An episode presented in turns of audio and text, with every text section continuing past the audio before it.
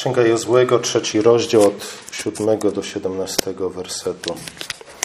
Po 40 latach wędrówki Izrael, przez pustynię Izrael w końcu stanął nad Jordanem, by wejść do ziemi obiecanej. E, jeśli dokładnie wczytamy się w kontekst, zauważymy, że była to wiosna, więc czasy po roztopach, po opadach. E, rzeka była więc głęboka. Nie? To podobna sprawa jak z przejściem przez Morze Czerwone. Niektórzy twierdzą, że było strasznie płytkie i dlatego Izrael mógł przez nie przejść. Nie? Z drugiej strony yy, fundamentaliści odpowiadają, no więc chwała Panu, że w takiej płytkiej wodzie utopił Faraona i jego armię. W tej sytuacji jest podobnie. Nie? Też niektórzy twierdzą, że to były jakieś tam moczary, przez które można było przejść, znając drogę. Ale tekst wyraźnie mówi, że, że to była pora roku, kiedy akurat w tym miejscu wody naprawdę Jordanu się bardzo, bardzo spiętrzały. Bóg powstrzymał je, zatrzymał je, spiętrzył z jednej strony, także z drugiej strony wody odpłynęły, a lud mógł przejść na drugą stronę po suchym korycie, wejść w końcu do ziemi obiecanej. Niewątpliwie przejście przez Jordan jest bardzo podobne do przejścia przez Morze Czerwone, jest wiele podobieństw, ale tym samym przejście przez Jordan jest podobne do e, potopu, w wodach którego Noe znalazł ratunek od nikczemnych, nikczemnej ludzkości. I oczywiście wszystkie te wydarzenia wskazują na chrzest, jaki otrzymujemy e, w Chrystusie. Oto w końcu Izrael stanął u celu swojej wędrówki, wyszedł z domu niewoli, po 40 latach wszedł do e, ziemi obiecanej. Osiągnął cel swojej wędrówki. Obietnica została spełniona. Długa i trudna droga zakończyła się pełnym sukcesem. Nie? I moglibyśmy oczekiwać, że od tej pory żyli długo szczęśliwie i nic wielkiego później się już czy szczególnego nie wydarzyło. A jednak, nie? koniec w Piśmie Świętym zawsze wyznacza również jakiś początek. Nie? Podobnie jest w naszym życiu. Koniec zawsze, koniec jednej rzeczy, jednego etapu zawsze wyznacza jakiś nowy początek, nową rzeczywistość i rzeczywiście Izrael wkracza do nowej rzeczywistości, w której musi się odnaleźć. A ta rzeczywistość jest lepsza ale jest też inna. Ta rzeczywistość wiąże się z nowymi problemami. Nie? Jedne problemy mają za sobą, przed no, i nowymi problemami y, muszą stanąć. Życie nie będzie już dokładnie takie, jak było wcześniej. Y, między innymi nie? wydarzyło się coś, co być może w sercach niektórych Hebrajczyków wy, wy, wywołało pewien żal, zawód, tęsknotę za tym, co było i za tym, co stracili, a czego doświadczali na pustyni. W piątym rozdziale czytamy, iż manna ustała następnego dnia, gdy zaczęli jeść plon tej ziemi. Nie mieli już więcej Izraelici manny, lecz żywili, się tego roku z plonów ziemi Kanaan. Podobnie też ich sandały, ich ubrania zaczęły się zużywać. Przez 40 lat nie zużywały się, co było oczywistym cudem, od tej pory zaczęły się zużywać. Nie wiem jak długo noście wasze ubrania, ale zwykle po kilku latach każde ubrania, a buty jeszcze szybciej, zaczynają się zużywać. Izrael nie musiał się troszczyć o te wszystkie sprawy.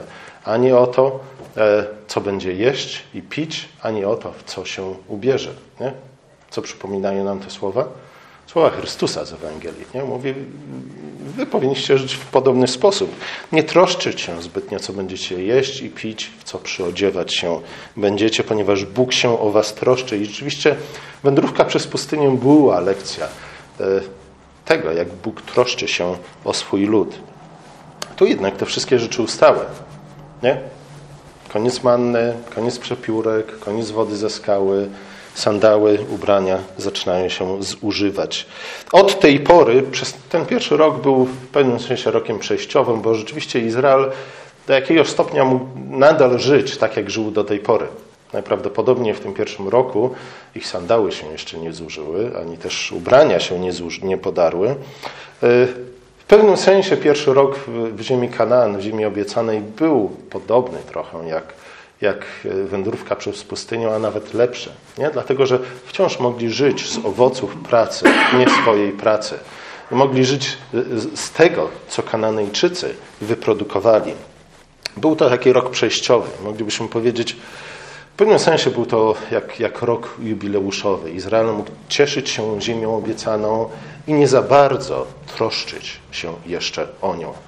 Oprócz tego, że musieli stoczyć kilka bitew, ale te bitwy też były bitwami, które nie za bardzo przypominały oblężenie lotniska w Donbasie. Nie? E, obeszli w sumie ile razy obeszli Jericho? Kto mi powie?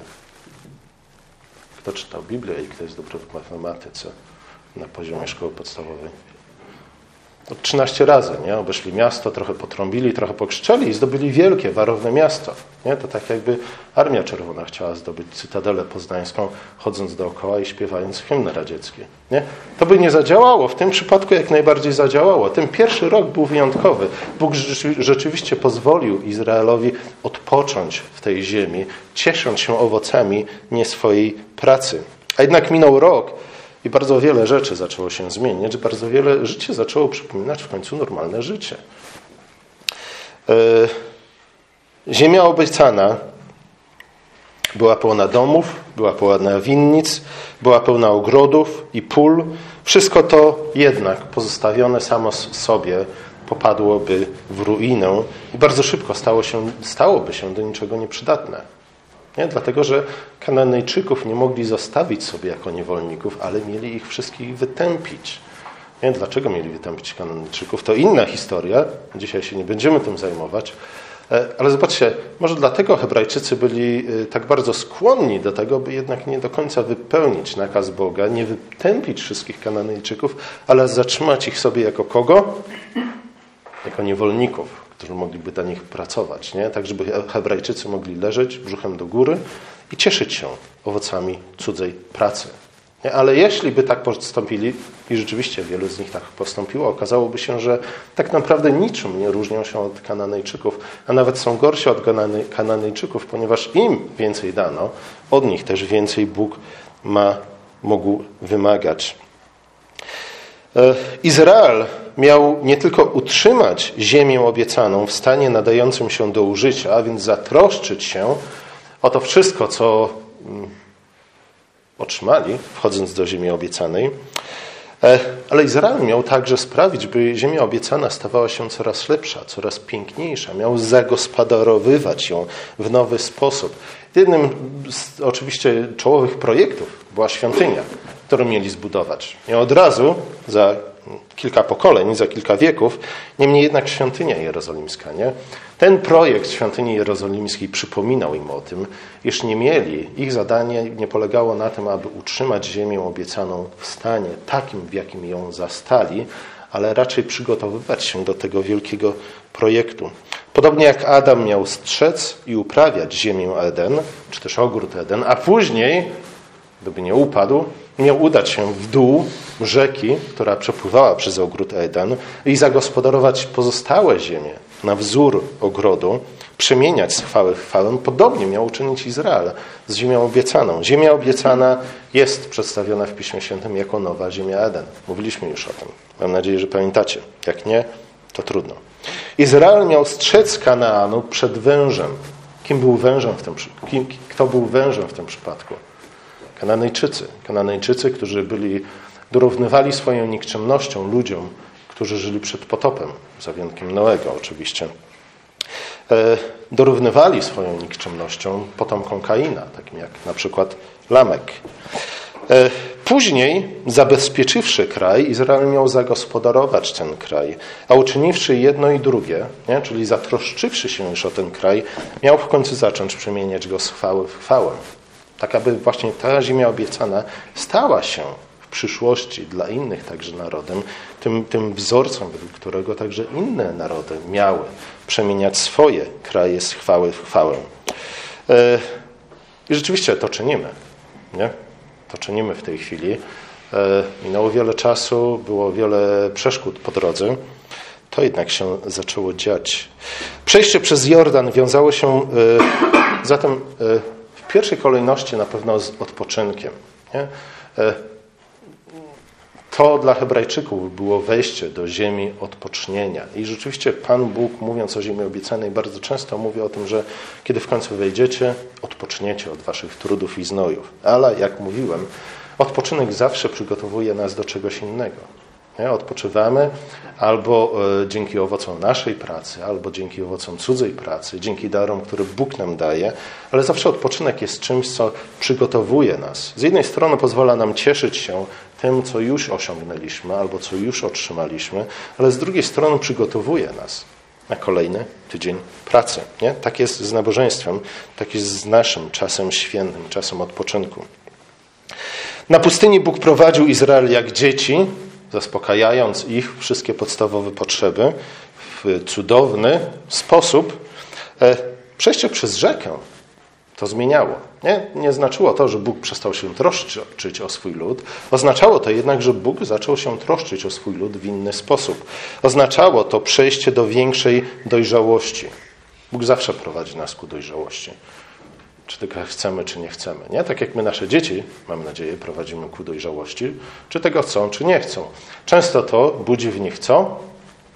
Wielką radość i zadowolenie, ale czasami budzi to w nich niezadowolenie i bunt. Zwłaszcza kiedy rano trzeba wstać i znów wziąć się za co? Za lekcje i takie inne tam dyrdymały. Nie?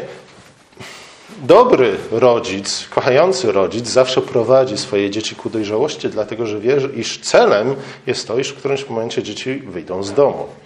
Nie zawsze tak się dzieje. Nie? Często e, wypaczeni rodzice, często wypaczone dzieci przez wypaczonych rodziców e, chcą zostać na zawsze razem z sobą. Nie? Ale w ten sposób nikt nigdy nie doszedłby do dojrzałości. Bóg prowadzi nas ku dojrzałości jako dobry ojciec i chce, abyśmy e, dążąc do dojrzałości, przyjmowali coraz większą odpowiedzialność za nasze życie e, i w końcu za cudze życie. Jeśli nie nauczymy się nigdy być odpowiedzialnymi za własne życie, nie, to gdy któregoś dnia sprawimy sobie dzieci, nie będziemy w stanie, nie będziemy w stanie być odpowiedzialni za cudze życie. Będziemy kompletnie nieprzygotowani do tej nowej roli. Zaspokoimy może w ten sposób jakieś nasze potrzeby emocjonalne, e, ale niestety, być może na naszą własną, a już na pewno na zgubę naszych dzieci. Bóg zatem wymaga od Izraela większej samodzielności, nie? prowadząc go ku coraz większej dojrzałości. Bóg najpierw zatroszczył się o lud po to, aby w końcu lud mógł zacząć służyć innym narodom i reszcie stworzenia.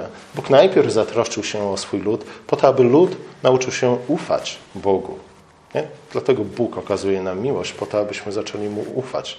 E, w ten sposób dzieci uczą się wiary, kiedy rodzice troszczą się o nie. nie? Miłość jest tym, co rodzi wiarę i w ten sposób powinniśmy patrzeć na wyprowadzenie z Egiptu i przejście przez pustynię. W tym czasie Bóg troszczył się o swój lud, bo okazywał miłość swojemu ludowi, tak jak rodzice okazują małym dzieciom, po to, aby dzieci, po to, aby Izrael nauczył się zaufania Bogu, kiedy zmierzy się z tą nową rzeczywistością. E, I znów, Bóg troszczył się o swój lud, Bóg służył, usługiwał swojemu ludowi po to, aby jego lud w którymś momencie zaczął troszczyć się nie tylko o siebie, ale także o innych ludzi. W tym przypadku o inne narody, o sąsiednie narody.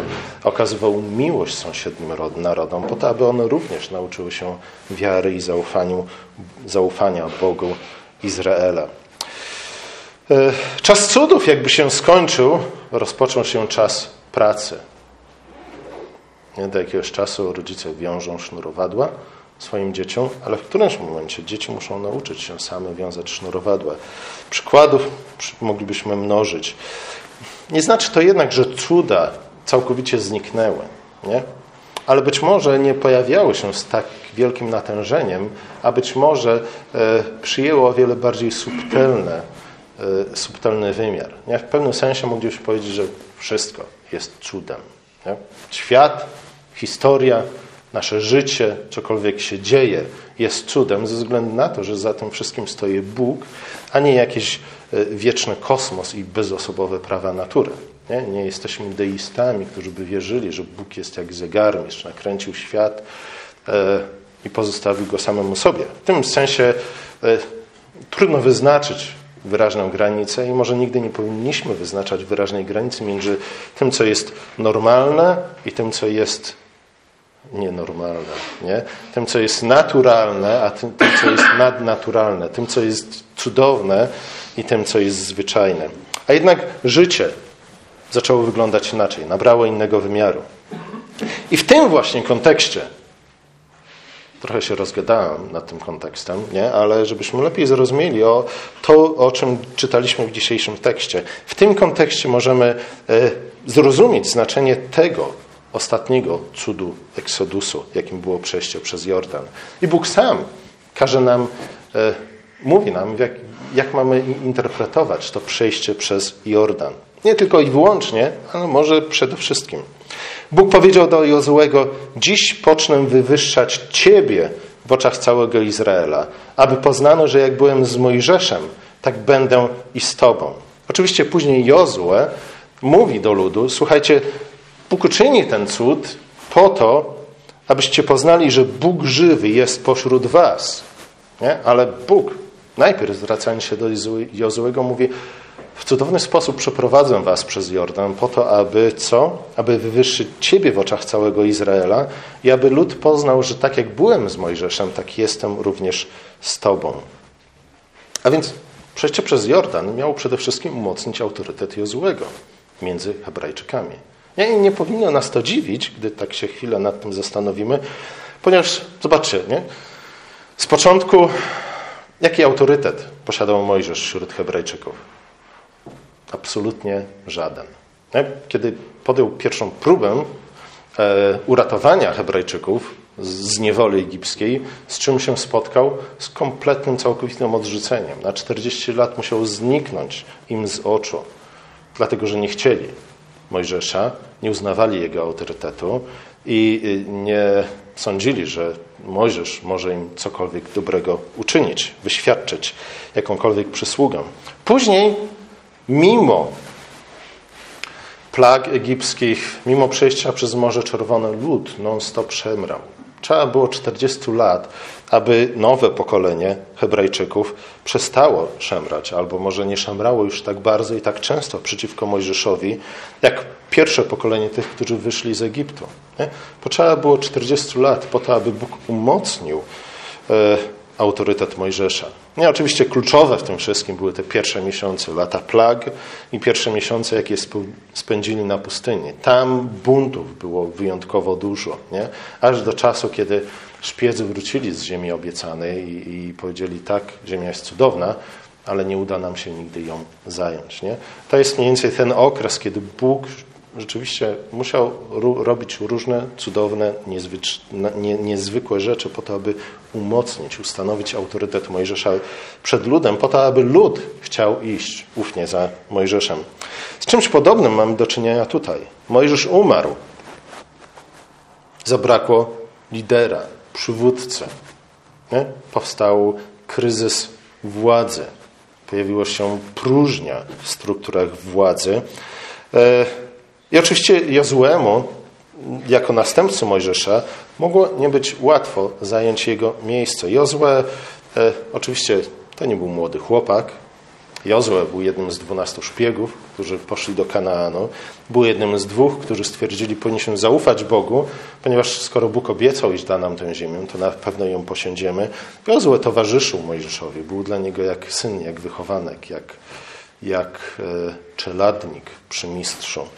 Jozue uczył się fachu i Jozue przez te wszystkie lata e, pokazywał i rzeczywiście wyrasta na prawdziwego, godnego zaufania przywódcę. Teraz jeszcze Bóg musiał ustanowić Jozłego przywódcą wśród narodu.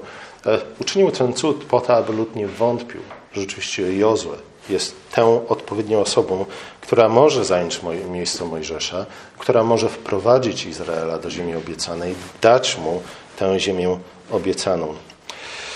E, Jozue, ten cud miał także przekonać e, lud, iż Jozue, Jozłego wiązała szczególna więź z Bogiem.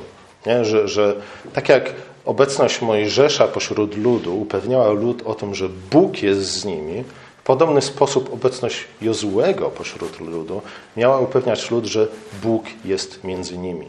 Nie? To jest ciekawe. Zobaczcie, to w pewnym sensie kłóci się z naszym protestanckim ewangelikalizmem, nie? Ty, ty, ty, tym jak patrzymy na Kościół, tym jak patrzymy na władze kościelne.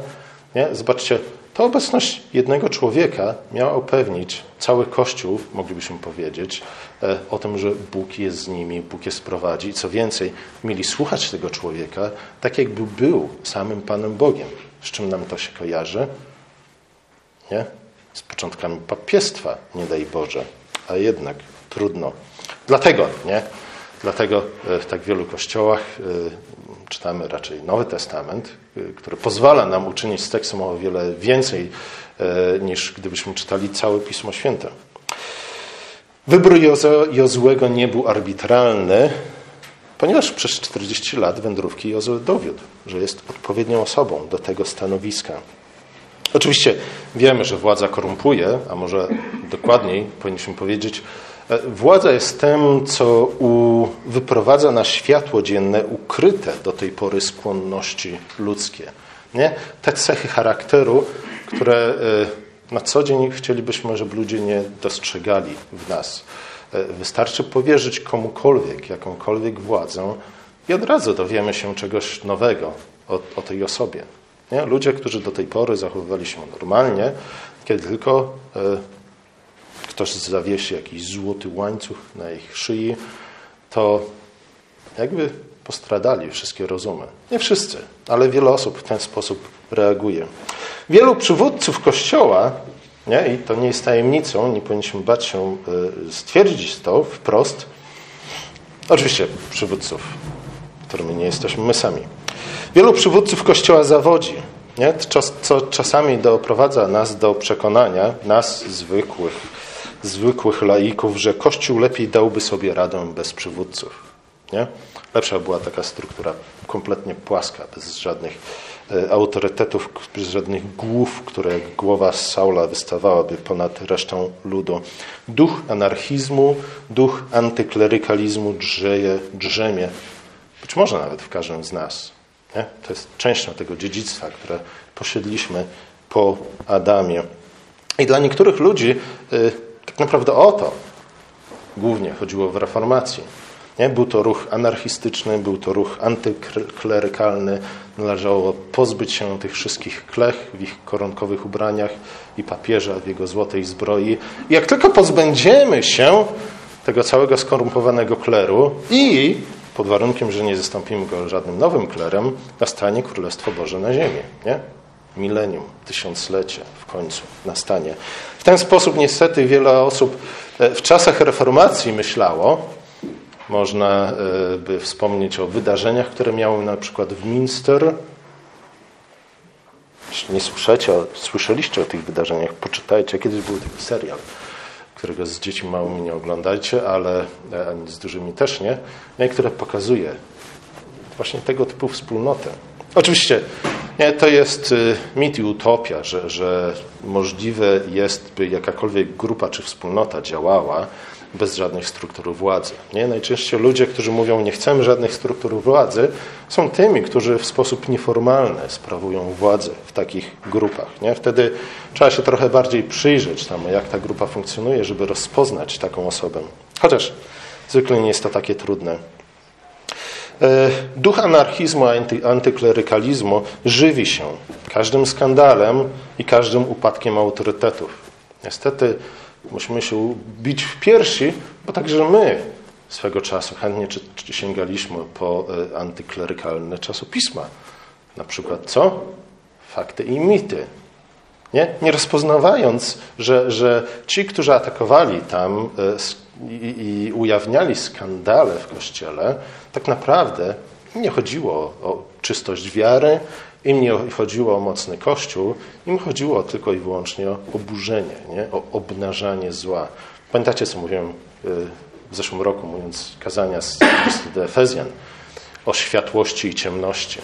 Nie? To są tego typu ludzie którzy skupiają się tylko i wyłącznie na tym, żeby obnażać ciemność, grzebać się w ciemności. Całe ich życie jest zanurzone w ciemności, którą rzekomo odrzucają. Problem tylko polega na tym, iż w ich życiu, w ich dziele, w ich słowach nie ma absolutnie żadnej światłości. A jednak pozbycie się struktur władzy nie jest właściwą reakcją na kryzys władzy.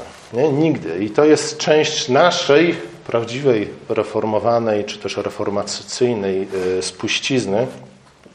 Kościoły, zwłaszcza reformowane, zwłaszcza z początku, y, nie tylko w Genewie, ale, ale zwłaszcza we Francji, hugenoci bardzo długo się zastanawiali nad tym problemem. Co zrobić, gdy pojawia się kryzys władzy w państwie? I hugeneci doświadczyli tego na, na własnym ciele.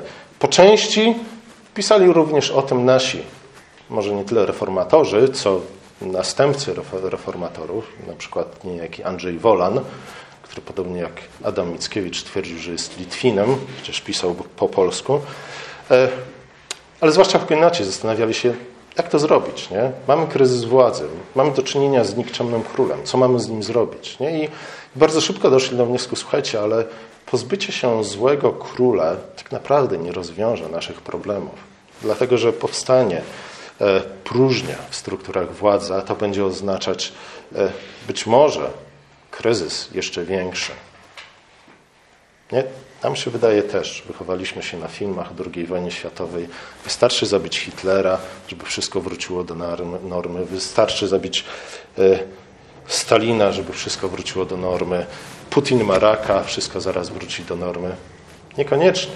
Nie? I historia Pismo Święte mówi nam, że tak wcale nie jest. I Hugenaci byli pierwszymi z tych, którzy stwierdzili, nie, jeśli zaczynamy jakąkolwiek wojnę, jeśli zaczynamy jakąkolwiek rewolucję, musimy mieć jakiś plan na to, co będzie potem. Nie? Bardzo realny plan. Musimy zastąpić zło, złe struktury władzy dobrymi strukturami władzy, bo tylko i wyłącznie wtedy jakakolwiek rewolucja ma jakikolwiek sens. I oczywiście kryzys władzy może pojawić się wraz z zepsuciem tych, którzy sprawują urzędy, są przywódcami, ale także pojawia się wtedy, kiedy dobry władca umiera. I z taką sytuacją właśnie mamy do czynienia teraz, w przypadku Jozłego. Dobry przywódca, prawdziwy autorytet umiera, odchodzi, pojawia się próżnia w strukturach władzy, potrzebny jest nowy, dobry przywódca.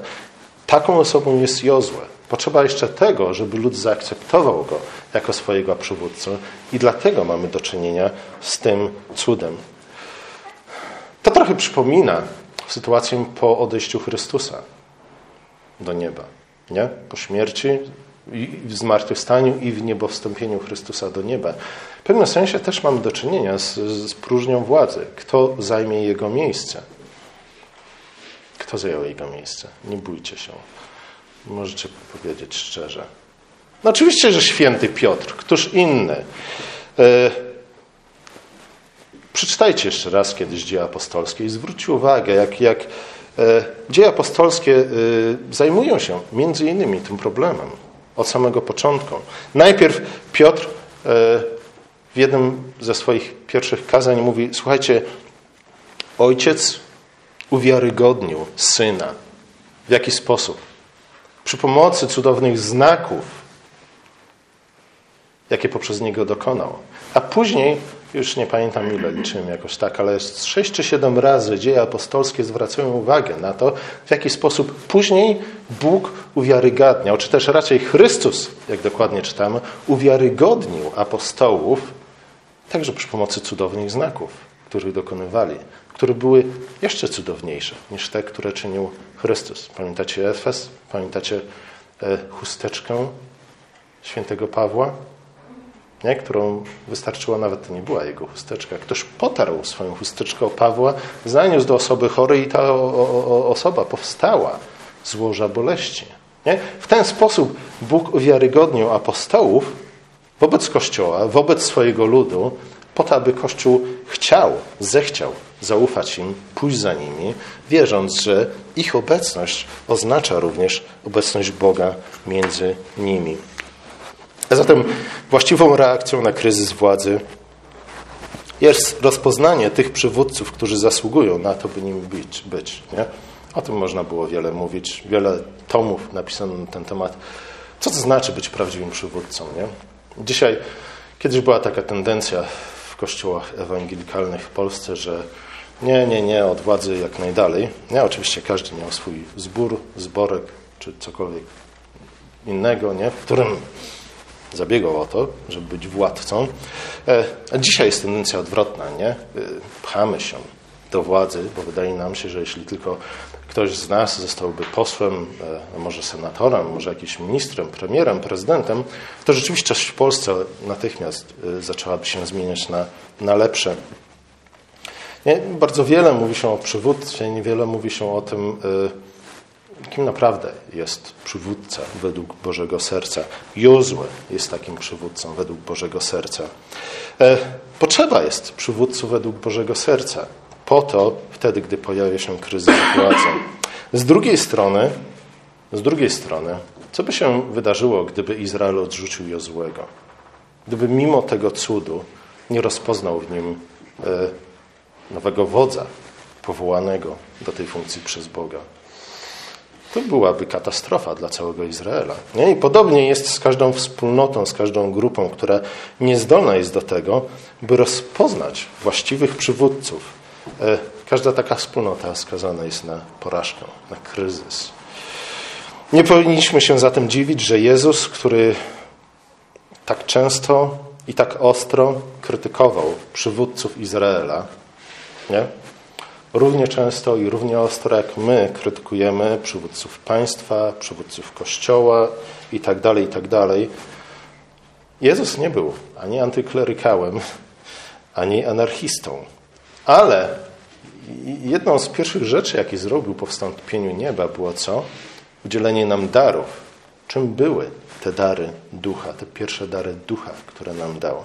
Nie mówienie językami, Zaraz po wstąpieniu do nieba, jak czytamy w liście do Efezjan, on, Bóg, Chrystus ustanowił jednych apostołami, innych prorokami, innych ewangelistami, innych pasterzami nauczycielami dla przysposobienia świętych do wykonywania posługi, celem budowania ciała Chrystusowego, aż dojdziemy wszyscy razem do jedności wiary i pełnego poznania Syna Bożego, do człowieka doskonałego, do miary wielkości według pełni Chrystusa. I dalej, gdybyśmy czytali, to byśmy czytali, przeczytali to, o czym dzisiaj mówiłem, abyśmy nie byli już więcej dziećmi.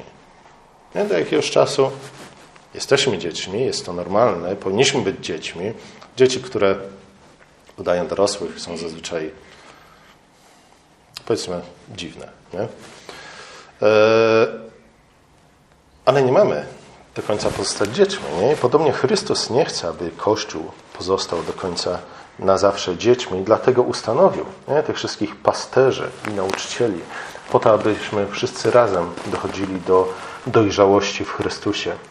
Najwyraźniej pobożni i godni zaufania przywódcy są potrzebni Kościołowi, by Kościół w całości dochodził do dojrzałości.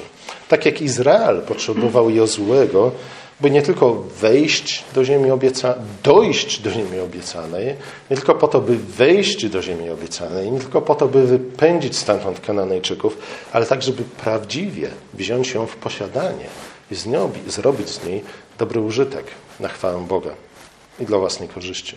Pomódlmy się. Nasz drogi łaskawy Ojcze, dziękujemy Ci za dzisiejszy tekst, dziękujemy Ci za to e, krótkie przypomnienie o tym, e, o jakich przywódców powinniśmy modlić się dla Kościoła. Prosimy Cię o to, abyś Ty, Ty w swoim Kościele ustanawiał takich przywódców, jakim był Jozue, wiernych Tobie e, przez wiele lat. Prosimy Cię też o to, abyśmy my potrafili rozpoznać tego typu przywódców, zaufać im i podążać za nimi, ufając, że poprzez nich Ty sam działasz. Amen.